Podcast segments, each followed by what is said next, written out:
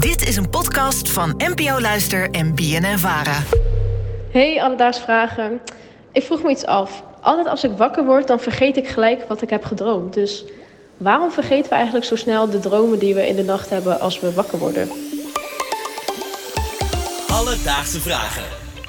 NPO Luister. Kohane, dankjewel voor het insturen van je vraag. Roos, heb jij vannacht nog gedroomd?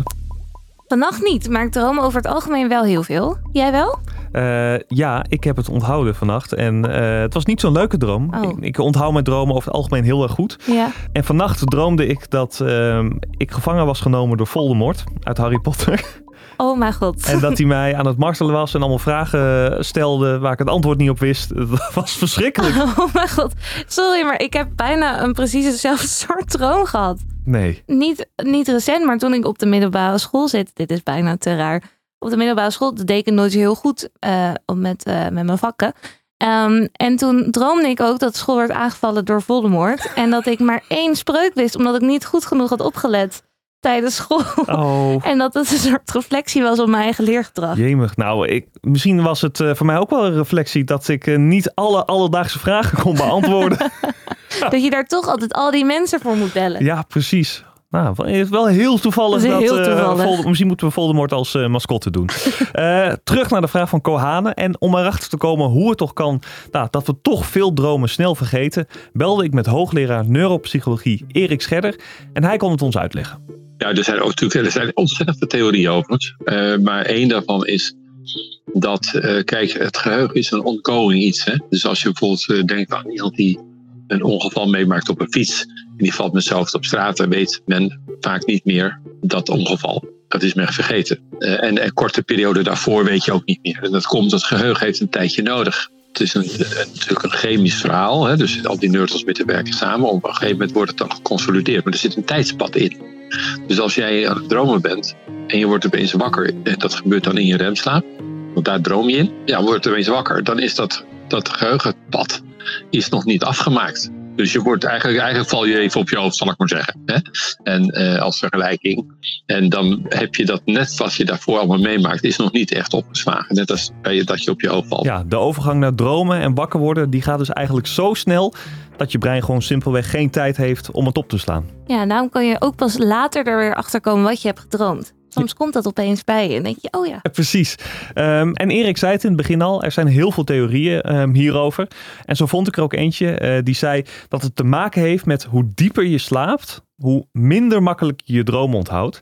En als ik naar mezelf kijk, ik ben een hele lichte slaper. Ik word echt van het minst of geringste al wakker. Maar ik onthoud mijn dromen over het algemeen ook best wel goed. Dus dat zou ook nog een theorie zijn. Ja.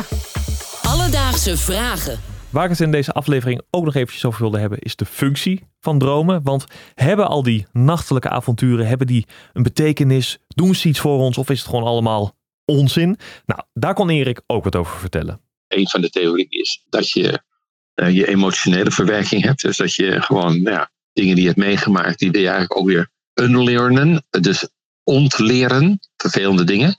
En dat zou die remperiode, die droomperiode, zou daarvoor geschikt zijn.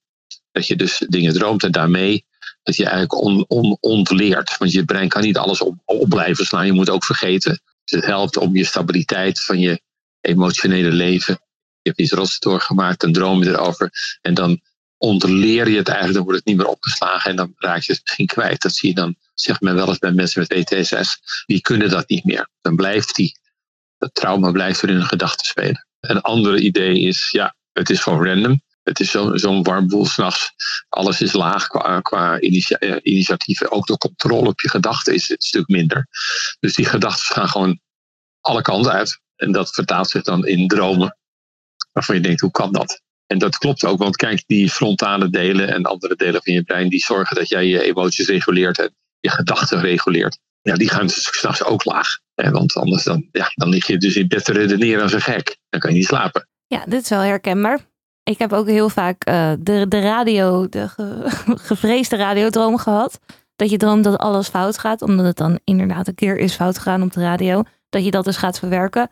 Of omdat je bang bent dat het fout gaat als je iets spannends gaat beginnen. En dan verwerk je dat weer in je droom.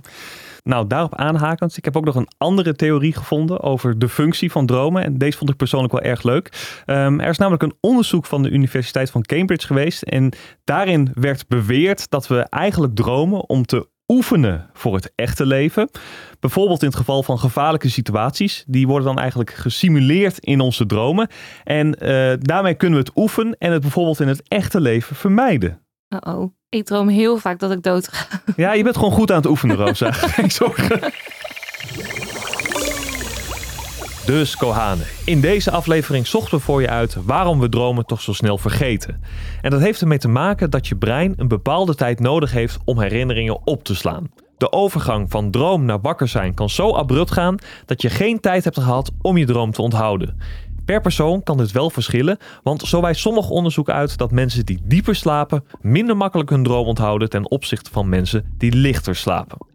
Heb jij ook een vraag? Stuur eens dan een berichtje op Instagram. Dat kan naar Alledaagse Vragen. Maar je mag ons ook een mailtje sturen. En dat kan naar alledaagsvragen.bnnvara.nl Alledaagse Vragen. NPO Luister. BNN Vara.